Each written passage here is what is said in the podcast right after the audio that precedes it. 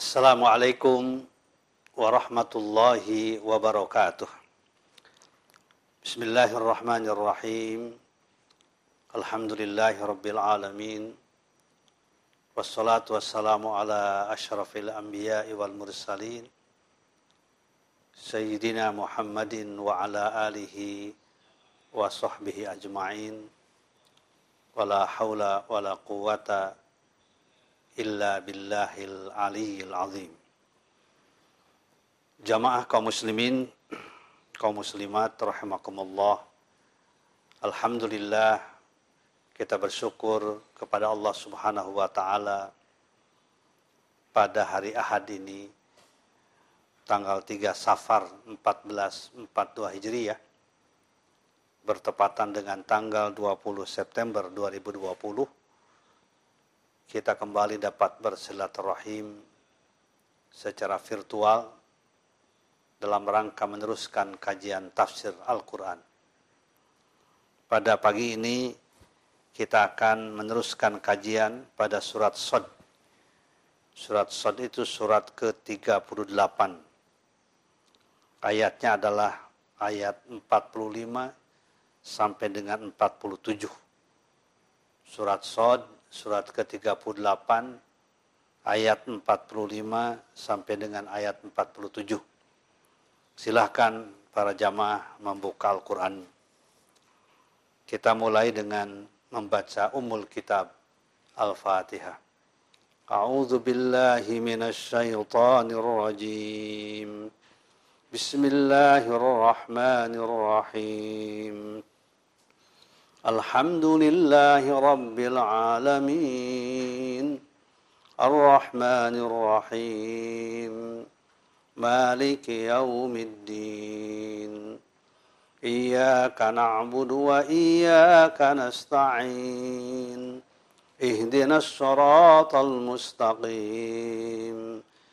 صراط الذين أنعمت عليهم. غير المغضوب عليهم ولا الضالين. آمين. بسم الله الرحمن الرحيم. واذكر عبادنا إبراهيم وإسحاق ويعقوب وإسحاق ويعقوب أولي الأيدي والأبصار. إنا أخلصناهم بخالصة ذكر الدار وإنهم عندنا لمن المصطفين الأخيار.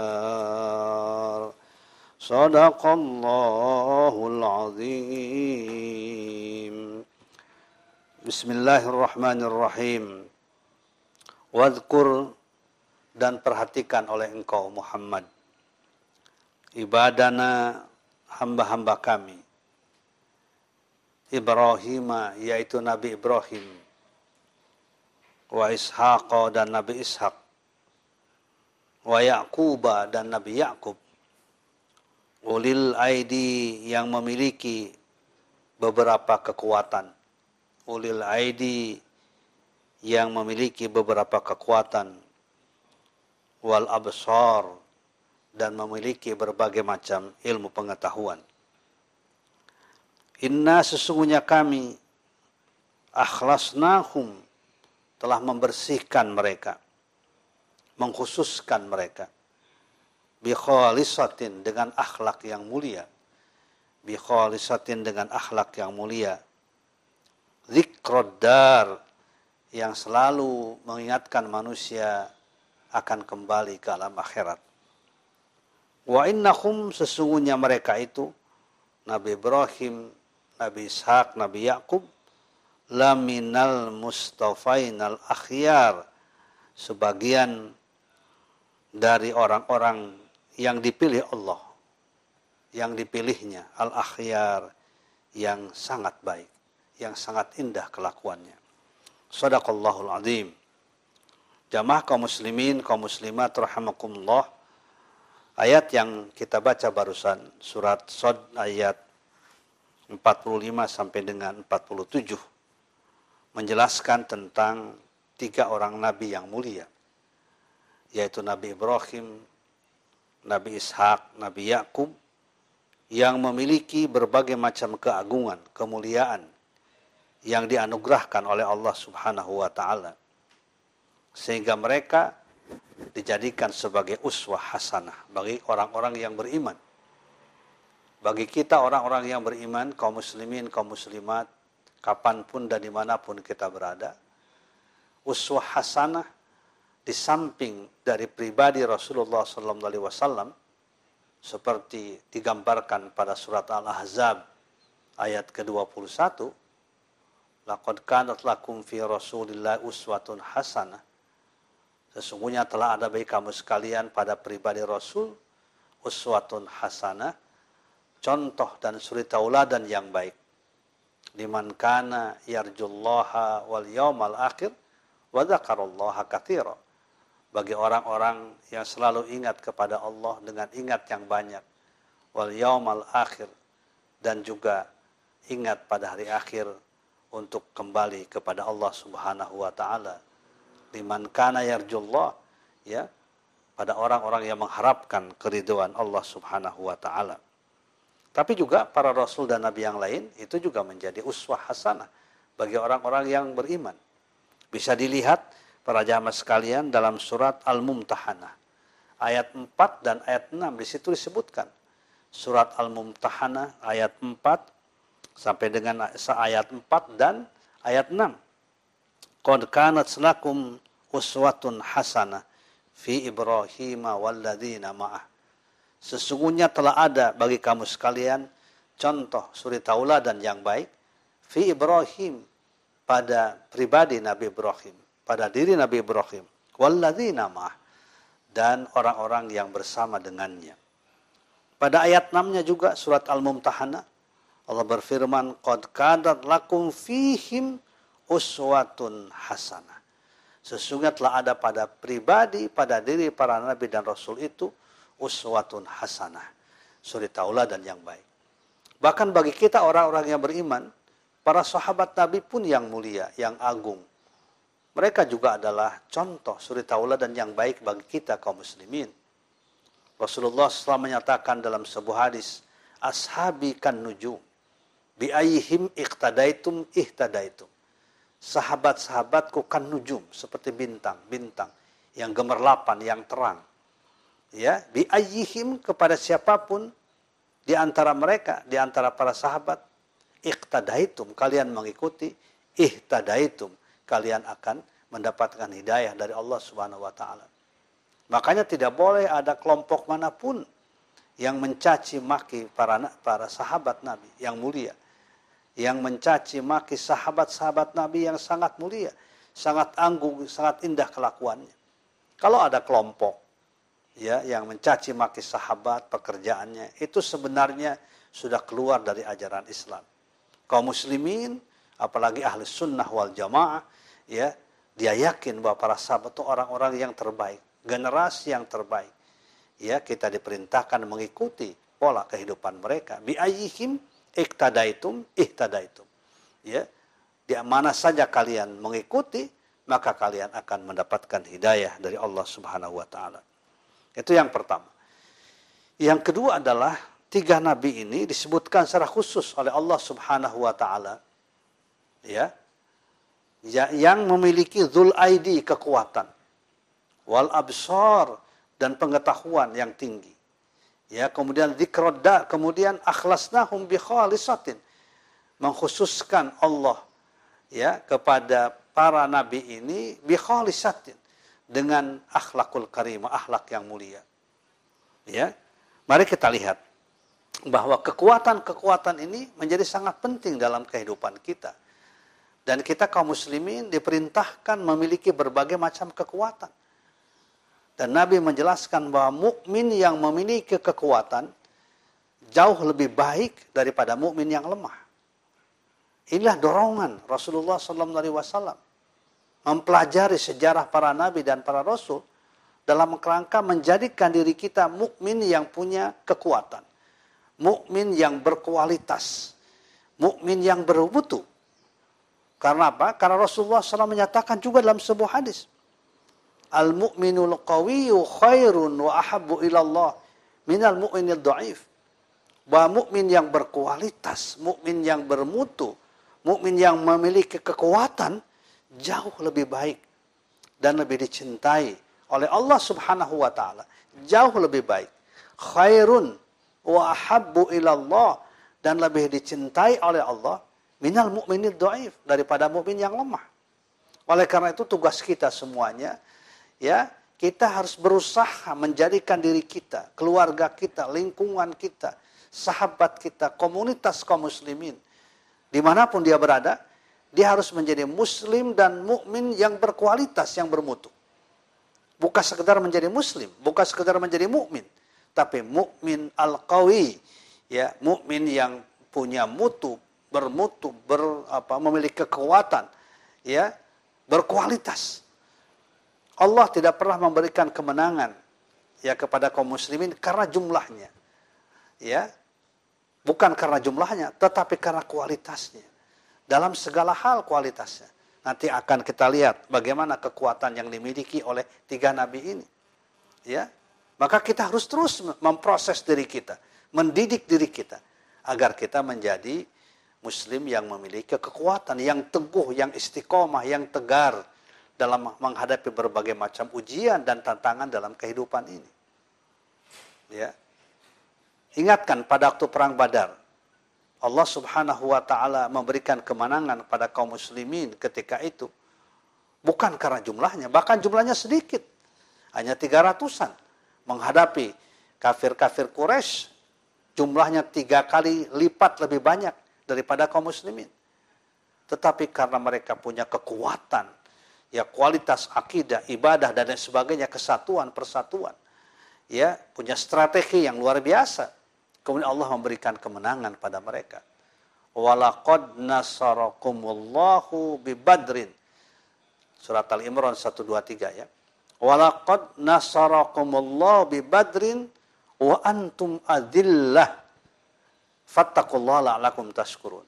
Dan sungguh Allah telah memberikan kemenangan pada kamu sekalian di Badrin pada waktu perang Badar. Wa antum adillah. Padahal ketika itu kalian sedikit tidak dipandang ya oleh dunia ketika adillatun qalilun fil adad. Jumlahnya sedikit. Tetapi Allah memberikan kemenangan. Karena apa? Karena mutu, karena kualitas. Fattakullah la'alakum tashkurun. Bertakwalah kalian kepada Allah agar kalian menjadi orang-orang yang bersyukur. Yang pertama adalah al-quwah fil ibadah, kekuatan dalam ibadah. Ya, para nabi itu punya kekuatan yang dahsyat di dalam beribadah. Ya, beribadah kepada Allah dalam sholatnya, ya, dalam sholat sunnahnya, bahkan juga dalam doa dan sujudnya luar biasa. Karena doa dan sujud ini dua hal yang memang spesial. Ya, sujud itu sebagai contoh adalah ibadah yang menggambarkan ketundukan kepatuhan yang mutlak kepada Allah Subhanahu wa taala. Sujud itu adalah optimalisasi dari penghambaan kita kepada Allah. Jadi penghambaan diri kita kepada Allah itu ditunjukkan oleh sujud. Makanya sujud itu hanya untuk Allah, tidak boleh sujud kepada manusia. Ya, malaikat diperintahkan sujud kepada Nabi Adam bukan sujud seperti sholat, tetapi sujud tahiyatin, ya menggambarkan penghormatan, ya Bukan sujud dalam pengertian sujud seperti sholat. Pada orang tua pun yang kita muliakan, yang kita hormati, yang kita sayangi. Tidak boleh kita sujud. Kalau menghormat, silakan menghormat. Dengan penghormatan yang baik, yang mulia. Dengan penuh kasih sayang. Tetapi kalau sujud seperti sholat, itu hanyalah dalam sholat kita. Hanya untuk Allah subhanahu wa ta'ala. Bahkan di dalam sebuah hadis dikatakan, Alaika bikasrati sujudi lillah alaika bikasrati sujudi lillah. Hendaknya kalian memperbanyak sujud karena Allah. Ya. Fa innaka la tasjudu lillahi sajdatan illa rafa'akallahu biha darajatan. Karena sungguhnya di Anda tidak sujud karena Allah satu kali sujud. Kecuali Allah akan mengangkat kepada Anda, kepada kita yang sujud, darojatan. Biha darojatan dengan satu kali sujud, satu derajat. Tapi bukan sekedar itu. Wa hatta biha anka khoti'atan. Ya, dan Allah akan menghapuskan dengan sebab sujud yang Anda lakukan karena Allah akan menghapus satu kesalahan. Ya luar biasa sujud itu. Makanya para nabi dan rasul mereka luar biasa ketika sujud. Ya mengharapkan ridho dan pertolongan dari Allah Subhanahu wa taala. Dalam hadis yang lain dikatakan akrabu ma yakunul abdu min rabbih wa huwa sajidun. Ya, yang paling dekat ya akraba ma yakunul abdu yang paling dekat posisi seorang hamba min rabbih dari Tuhannya. Min rabbih dari Tuhannya. Wa huwa sajidun yaitu dalam keadaan sujud. Wa huwa sajidun dalam keadaan sujud. Paling dekat kita dengan Allah itu. Wa huwa sajid. Kita rasakan. Para jamaah merasakan semuanya. Ya, kaum muslimin, kaum muslimat merasakan semuanya. Bagaimana terasa dekatnya kita dengan Allah Subhanahu wa taala dalam keadaan sujud. Wa huwa sajid. Fa'aktsirud du'a. Maka perbanyaklah memohon kepada Allah pada waktu sujud. Ya. Jadi ini adalah yang disebutkan al-quwwah fil ibadah. Dan mintalah kita kepada Allah ya, keselamatan dunia dan akhirat. Karena doa yang paling apa dianggap paling utama seperti dikatakan Rasulullah dalam sebuah hadis yaitu adalah ini hadisnya adalah hadis uh, apa? Lewat Ibnu Majah dari Anas. Ya. Afdolud doa yang paling utama doa. Antas ala rabbaka al afwa wal afiyata fid dunya wal akhirah ya. Doa yang paling utama anda memohon kepada Allah al-afwa wal afiyata, kesehatan. Ya ampunan, al-afat, ampunan dari Allah. Kalau Allah mengampuni kan bersih hati kita, pikiran kita. Ya dibersihkan oleh Allah dari berbagai macam dosa dan kesalahan. Wal afiyata dan kesehatan jasmani dan rohani. Kesehatan jasmani dan rohani. Kita merasakan sekarang ini bagaimana sangat pentingnya kesehatan pada masa COVID-19 ini. Makanya kan kita harus menjaga kesehatan kita. Ya, anggaplah apa ajakan-ajakan, perintah-perintah untuk memakai masker, ya, mencuci tangan, ya, apa hidup dengan pola yang sehat, ya, menjaga jarak. Itu sebenarnya dalam kerangka afiah. Ya, kita anggap sebagai upaya kita ikhtiar manusiawi untuk apa mengundang rahmat dalam dan pertolongan Allah yaitu kesehatan jasmani dan dan dan rohani. Ya. Abdullah doa antas ala rabbuka al rabbaka al afwa wal afiyah fid dunya wal akhirah. Karena apabila Anda fa innaka idza utitahuma fid dunya summa utituhuma fil akhirah faqad aflahta. Karena sungguhnya jika Anda mendapatkan ampunan, mendapatkan kesehatan jasmani dan rohani, maka sebenarnya faqad aflahta maka engkau adalah orang yang mendapatkan kebahagiaan dari Allah Subhanahu wa taala. Ya, oleh itu maka kita manfaatkan nih, ya. Allah menyuruh kepada kita sujud, sholat, sholat, sholat sunnah, kita manfaatkan seoptimal mungkin. Supaya kita punya kekuatan batin, punya keistiqomahan dalam kehidupan ini. Tidak mudah goyah karena mendapatkan tantangan-tantangan yang ada di hadapan kita. Ini yang pertama ya kekuatan yang pertama al-quwah fil ibadah. Yang kedua adalah yang apa diberikan kepada tiga ya kepada tiga nabi ini dan nabi-nabi yang lain tapi dikhususkan pada surat Sod ini tiga nabi disebutkan yaitu al-quwah fil ilmi. Al-quwah fil ilmi. Para nabi itu memiliki kekuatan ilmu yang luar biasa anugerah dari Allah Subhanahu wa taala. Ya, kita menyadari bahwa Islam itu adalah ajaran yang tidak bisa dipisahkan dengan ilmu. Di mana ada umat Islam, di situ ilmu dikembangkan. Ya, di mana ada umat Islam, di situ ilmu dikembangkan. Karena memang kita diperintahkan dekat dengan majelis ilmu. Dalam bentuk formal maupun non formal maupun dalam keluarga, suasana keilmuan itu harus dibangun oleh kita. Suasana yang kondusif untuk kita cinta kepada ilmu itu harus selalu terus menerus ditumbuhkan. Rasulullah mengatakan kun aliman. Jadilah engkau orang yang mengajarkan ilmu. Ya, jadilah Anda orang yang mengajarkan ilmu. Yang kedua, awam muta'alliman. Atau jadilah Anda pembelajar yang mencari ilmu. Yang senang dengan ilmu. au mustami'an atau menjadi pendengar ilmu. Au muhibban atau jadi orang yang mencintai ilmu, mengajarkan ilmu, jadi guru, ya, secara formal maupun tidak menyampaikan ilmu. Ya, kemudian mempelajari berbagai macam ilmu, mendengarkan berbagai macam ilmu yang bermanfaat atau mencintai ilmu. Jangan menjadi yang kelima. Artinya menjadi yang kelima itu tidak menyampaikan ilmu, tidak mempelajari ilmu, tidak mendengar ilmu, ya. Kemudian juga tidak mencintai ilmu, fatahlak, maka kau akan rusak hidupku, akan gagal, kata Rasulullah sallallahu alaihi wasallam. Saking pentingnya ilmu, kita mengetahui kan wahyu yang pertama yang disampaikan kepada junjungan kita Nabi besar Muhammad sallallahu alaihi wasallam adalah ilmu. Bahkan juga tool alat untuk mendapatkan ilmu apa? Yaitu uh, al-qiraah al membaca, wal kitabah dan menulis. Dua alat ini menjadi sangat penting dalam ilmu. Ilmu tidak akan berkembang kalau kita tidak membaca.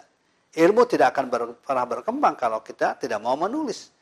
Ya, makanya al-qiraah wal kitabah membaca, menulis bagian dari mengembangkan ilmu pengetahuan. Iqra bismi rabbikal ladzi khalaq. Khalaqal insana min alaq. Iqra wa rabbukal akram alladzi 'allama bil qalam. 'Allamal insana ma lam ya'lam. Baca oleh kita dengan menyebut namamu. Ya, dengan menyebut nama Allah Subhanahu wa taala. Artinya apa? Artinya kita membaca ilmu-ilmu yang baik. Ilmu-ilmu yang bermanfaat ilmu yang menghantarkan kita pada keimanan, pada makrifat kepada Allah, pada kesadaran tauhid. Ilmu yang menghantarkan kita pada diri kita ya yang di, yang diciptakan Allah dari segumpal darah, dari setetes air mani yang hina. Makanya kita kalau membaca, mempelajari ilmu bukan untuk melahirkan kesombongan. Ya, karena tidak ada hak bagi kita untuk sombong. Tidak pantas kita untuk menjadi sombong. Apa pun yang kita miliki, karena kita berasal dari Iqra bismi rabbikal ladzi khalaq khalaqal insana min alaq semuanya. Ya dari alaq, dari segumpal darah. Ya, baca oleh kita. Ayat-ayat Al-Qur'anul Karim, ayat-ayat tanzili atau ayat-ayat kauniyah. Ya, ayat yang yang terdapat di alam semesta. Baca oleh kita Covid ini ya. Covid-19 harus dibaca untuk menjadi perenungan kita. Ya, menghasilkan ilmu pengetahuan yang me, me, apa, melahirkan kesadaran tawadu kepada Allah. Baca oleh kita. Ini ayat-ayat Allah, tanda-tanda Allah. Ya, dari alam semesta dalam kehidupan kita. Betapa Allah maha kuasa, maha agung, maha besar, maha mengendalikan. Baca oleh kita. Supaya melahirkan kesadaran tawadu dalam kehidupan ini. Ya, ilmu pengetahuan itu kan di samping yang berkaitan dengan syariah. Ya, juga adalah berkaitan dengan kehidupan kita. Ya. Makanya di dalam agama kita ilmu itu ada yang bersifat fardu ain yang tujuannya adalah untuk menghantarkan kita pada kepribadian muslim, pada ibadah kepada Allah, menjadi sosok muslim yang baik. Itu dengan fardu ain. Yang kedua fardu kifayah. Fardu kifayah adalah ilmu yang berkaitan untuk pembangunan umat kita, masyarakat kita. Makanya pelajari oleh kita mesti ada ahlinya ahli kedokteran, ahli kesehatan, ahli pertanian, ahli ekonomi, ahli kebudayaan, ahli komunikasi dan teknologi. Semuanya diperlukan dan itu bagian dari ilmu-ilmu yang diperintahkan oleh ajaran agama kita. Iqra bismi rabbikal ladzi khalaq khalaqal insana min alaq. Iqra wa rabbukal akram alladzi 'allama yang mengajarkan ya bil qalam dengan kalam ya nun wal kolami wa mayas turun dalam ayat yang lain. Ya kita diperintahkan untuk menulis ya, untuk menulis hal yang baik, yang positif. Ya, agar kita punya kekuatan ilmu. Tanpa ilmu tidak akan ada kemuliaan. Ya. Karena memang kemuliaan didapatkan dengan ilmu, didasari dengan iman, disertai dengan akhlak. Surat Al-Mujadalah ayat 11 yang sangat terkenal. Ya, Ya ayyuhalladzina amanu idza qila lakum tafassahu fil majalis fafsahu yafsahillahu lakum. Wa idza qila sudu fansudu. Yarfa'illahu alladhina amanu minkum walladhina utul ilma darajat wallahu bima ta'maluna khabir. Itu di situ tiga hal yang terkait. Pertama adalah adab atau akhlak, tafassahu itu kan akhlak dalam mencari ilmu di majelis. Ya, fafsahu. yafsahillahu Jadi pertama adab al-akhlak. Yang kedua iman, yang ketiga ilmu. Inilah yang akan menghantarkan derajat tinggi bagi kaum muslimin. Adab itu perlu, akhlak itu perlu. Bahkan para ulama salafus soleh banyak mengatakan al-adab qoblal ilmi. Adab itu harus dibangun ya sebelum mencari pengetahuan, mendapatkan ilmu. Ta'addabu summa ta'allamu. Ya, beradablah kalian, summa ta'allamu kemudian berjalan ilmulah sekalian. Jadi ilmu-ilmu yang diharapkan itu adalah ilmu yang melahirkan adab. Ya. Kata Nakib Al-Atas, persoalan sekarang ini dalam dunia kampus, dalam dunia pendidikan adalah the loss of adab. Kehilangan adab, kehilangan etika dan kehilangan akhlak. Ya, makanya perlu kita bangun kembali. Ya, ini berkaitan dengan kekuatan yang tiga. Al-quwah fil akhlak, khalisah, ya. Akhlasnahum khalisah kekuatan akhlak. Al-quwatu fil akhlak. Karena agama itu intinya adalah akhlak kan. Ya, setelah kita memiliki keimanan yang kuat, keistiqoman, ibadah yang baik, ya, ilmu pengetahuan yang baik, yang berguna, yang bermanfaat, maka perlu dibingkai semuanya oleh akhlakul karimah, husnul khuluq. Ya, ad-dinu huwa husnul khuluq. Agama itu adalah akhlak yang baik. Tidak mungkin ya kita akan menjadi muslim yang baik tanpa didukung oleh akhlak yang baik. Kita sekarang harus menghadirkan akhlak dalam kehidupan kita. Akhlak dalam keluarga, akhlak di dalam kehidupan organisasi, ya, akhlak di tengah-tengah masyarakat, akhlak di kampus, di sekolah, di pesantren. Harus dibangun kekuatan akhlak. Karena inti agama itu akhlak. Ya, ad-dinu huwa husnul khuluq. Ya, agama itu intinya adalah akhlakul karimah, akhlak yang baik. Jangan sampai hilang akhlak. Kalau hilang akhlak, hilang pula yang lain ya tidak akan ada manfaatnya harta yang kita miliki, pengetahuan yang kita miliki, bahkan kekuasaan yang selalu dicari-cari oleh kita, ya kekuasaan-kekuasaan itu akan tidak ada manfaatnya kalau tidak dilandasi dengan akhlak. Kalau tidak dibingkai oleh akhlak. Makanya perlu dibingkai ya oleh akhlakul karim. Para ahli sejarah mengatakan bahwa e, cepatnya perkembangan Islam dahulu itu karena dua hal. Ya, karena dua hal terjadi akselerasi percepatan-percepatan dakwah Islamnya ke berbagai macam negara, dua per tiga dunia, ya ajaran Islam sampai dalam waktu satu abad. Kenapa terjadi percepatan? Karena dua hal. Pertama karena ajaran Islam yang mudah difahami, yang eh, apa, yang uh, mudah difahami, yang reasonable, ya mudah difahami oleh akal siapa pun juga bisa memahami Islam dengan baik. Ya karena Islam itu agama yang mudah bukan agama yang sulit. Ya, yang kedua karena akhlakul karimah dari pembawanya. Dari Rasulullah, para sahabat, para dai itu memiliki akhlak yang mulia sehingga tidak ada gap antara yang seharusnya dengan apa yang terjadi dalam perbuatan sehari-hari. Ya. Jadi orang bukan sekedar melihat ajarannya, tapi orang adalah melihat apa yang dilakukannya. Siti Aisyah pernah ditanya oleh para sahabat, ya, kayafat kayfa kanat khuluqu Rasulillah? Beliau menjawab, kanat khuluku Al-Quran. Ya akhlak Rasulullah itu apa yang terdapat di dalam Al-Quran.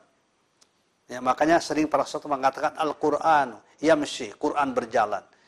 Ya, uh, the living Quran, Quran yang hidup.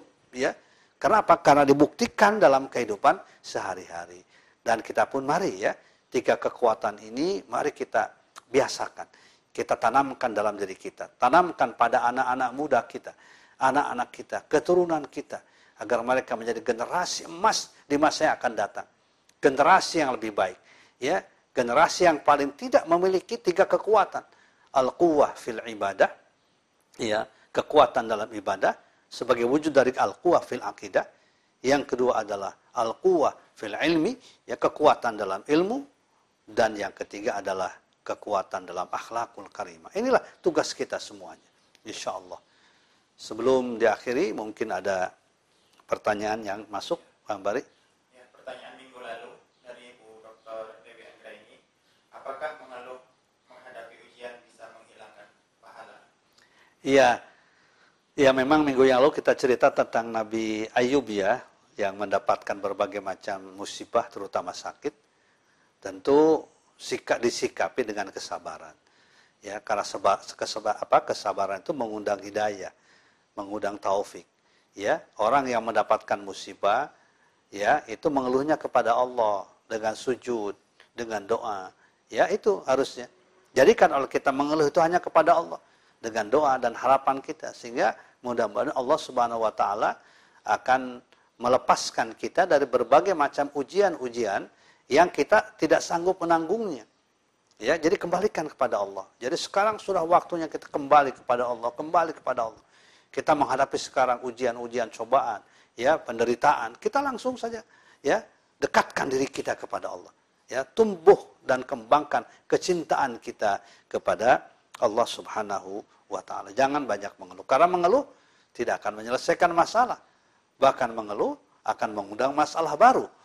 Ya, nah begitu ya, akan mengundang frustasi, putus asa tapi kita kembalikan kepada Allah Subhanahu wa taala. Saudara-saudara kita para jamaah yang sekarang sakit, mudah-mudahan diberikan kesabaran oleh Allah, diberikan kesehatan oleh Allah Subhanahu wa taala.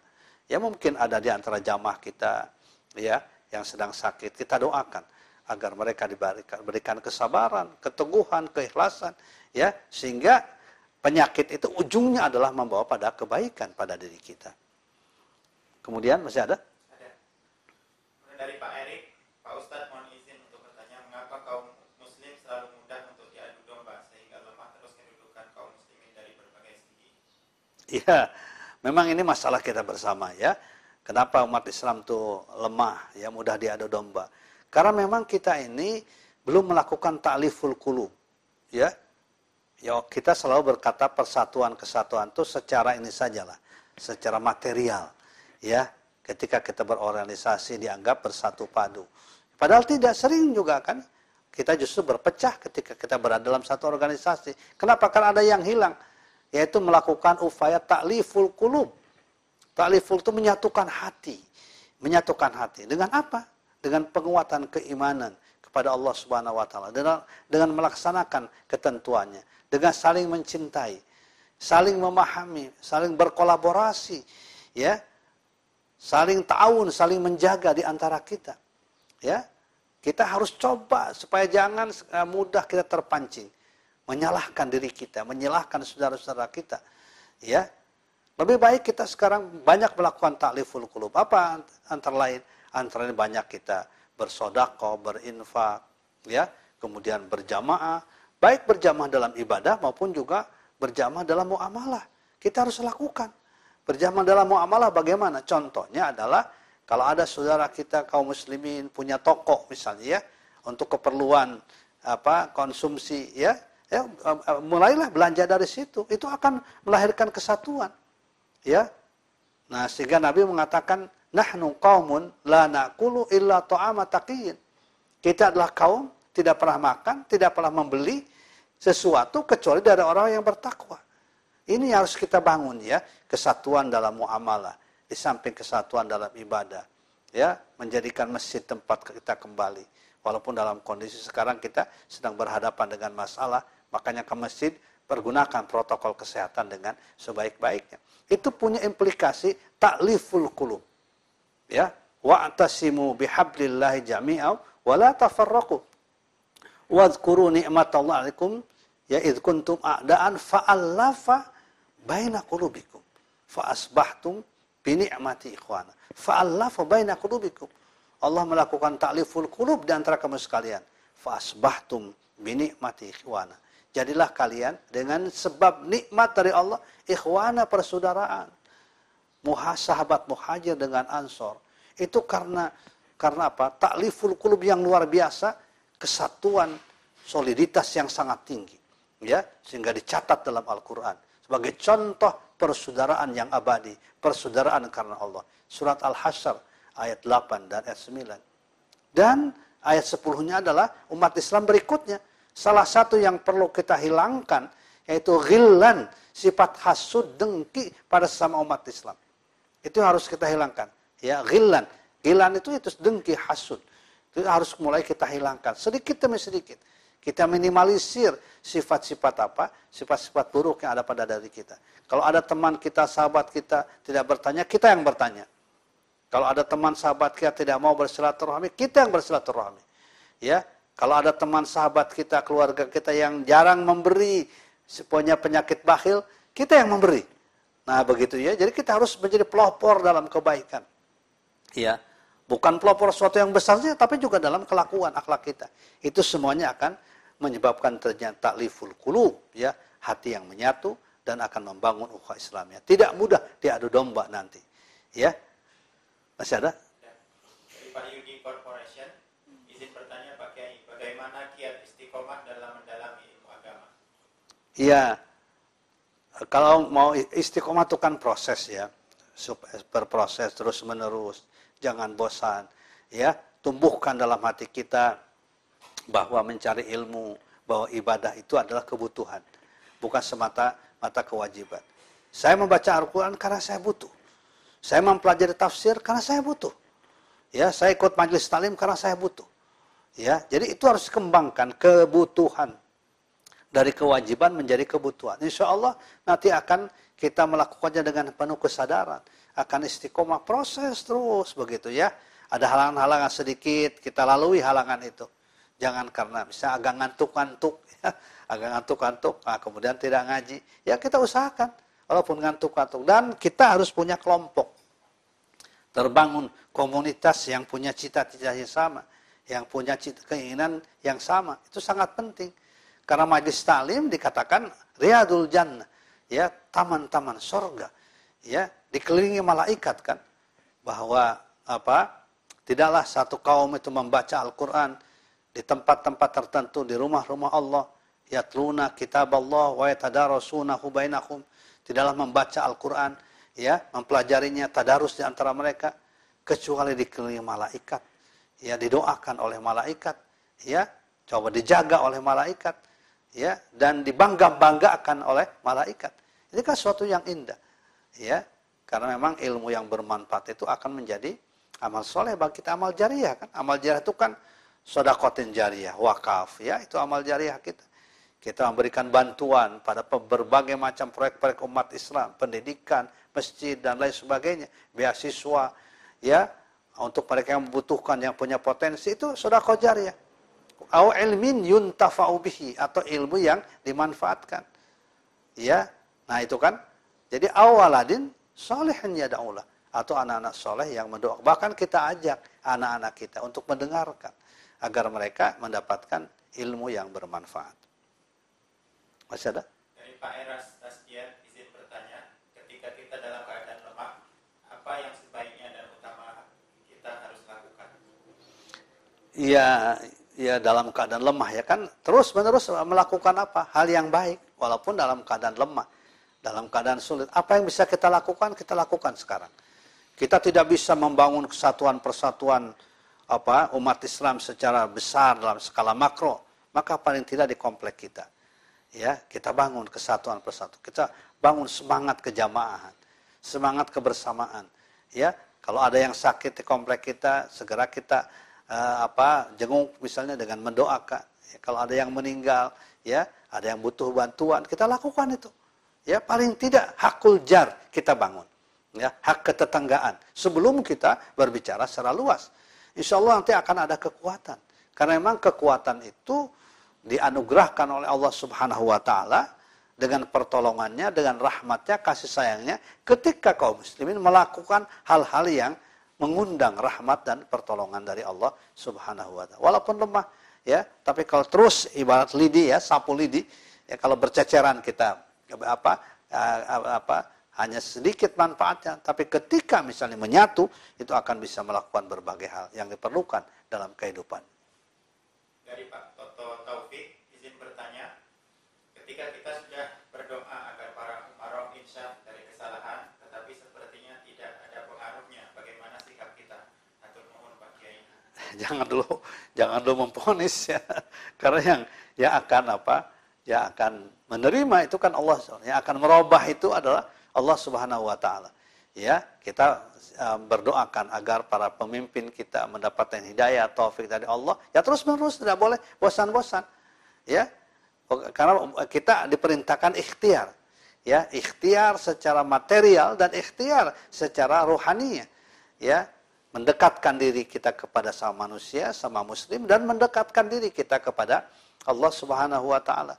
insya Allah pada waktunya dengan izin Allah Subhanahu wa taala akan memberikan pertolongan pada kaum muslimin, menyadarkan kepemimpinan yang dolim, yang jahat misalnya. Ya, kita berdoa kepada Allah. Ya, bahkan juga doa-doa yang sudah banyak dicontohkan kan. Kalau kita tidak ya kita berdoa dalam bahasa Indonesia. Ya, artinya mendoakan kepada para pemimpin untuk amanah, untuk berlaku adil. Ya, bahwa kalau masih kelihatan ya kita terus juga melakukan dakwah ya apa menyadarkan diri kita, lingkungan kita dan masyarakat kita supaya kita berlaku adil, berlaku jujur dan hal-hal yang positif yang lainnya. Dan sekali lagi kita tidak boleh putus asa dengan doa yang kita mohonkan kepada Allah Subhanahu wa taala. Permohonan Oh iya, memang ada saya katakan mudah-mudahan ya semua jamaah kita, keluarga kita, masyarakat kita yang sedang mendapatkan ujian dari Allah Subhanahu wa taala, Pak Rektor IPB ya, Pak Profesor Dr. Arif Satria, mudah-mudahan selalu dilindungi oleh Allah Subhanahu wa taala. Demikian pula jamaah yang lain ya. Kita doakan mudah-mudahan mereka diberikan kesembuhan oleh Allah Subhanahu wa taala. Mari kita bersama-sama baca umul kitab Al-Fatihah. A'udzu billahi minasyaitonir rajim. Bismillahirrahmanirrahim. Alhamdulillah rabbil alamin arrahmanir rahim maliki yaumiddin. Iyyaka na'budu wa iyyaka nasta'in ihdinas siratal mustaqim siratal ladzina an'amta 'alaihim ghairil maghdubi 'alaihim waladdallin. Allahumma isfihi wa antas safi la shifa illa shifauka shifaa'un la yughadiru saqaman. Mari kita akhiri pengajian kita pada hari ini dengan membaca doa kifarat majlis. Bismillahirrahmanirrahim. Subhanakallahumma wa bihamdika asyhadu an la ilaha illa anta astaghfiruka wa atubu ilaih. Walhamdulillahirabbil alamin. Assalamualaikum warahmatullahi wabarakatuh.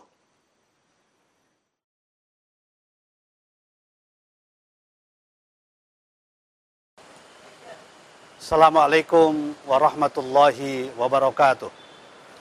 Bismillah, Alhamdulillah. Wassalatu wassalamu ala rasulillah wa ala alihi wa sahbihi wa mawalah. Masjid bagi kaum muslimin adalah tempat yang paling strategis, paling penting dalam kehidupan umat.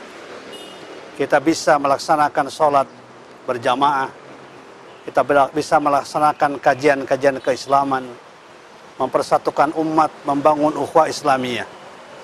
Oleh karena itu maka setiap masjid harus kita dukung baik pembangunan secara fisik maupun juga kegiatan-kegiatannya. Masjid di tempat saya berdiri sekarang adalah Masjid Al-Hijri 2, kampus UIK Bogor, yang sekarang sedang mengalami terus-menerus peningkatan pembangunannya karena itu saya mengajak kepada saudara-saudara kaum muslimin, kaum muslimat, di mana pun Anda berada, untuk ikut berpartisipasi, memberikan sebagian dananya, harta yang dimilikinya, termasuk doanya, agar masjid Al-Hijri 2 ini segera bisa diselesaikan dengan baik. Semoga Allah Subhanahu wa taala membalas amal ibadah saudara sekalian dan akan memberikan pila nanti di rumah di surga Allah Subhanahu wa taala. Amin ya rabbal alamin. Assalamualaikum warahmatullahi wabarakatuh.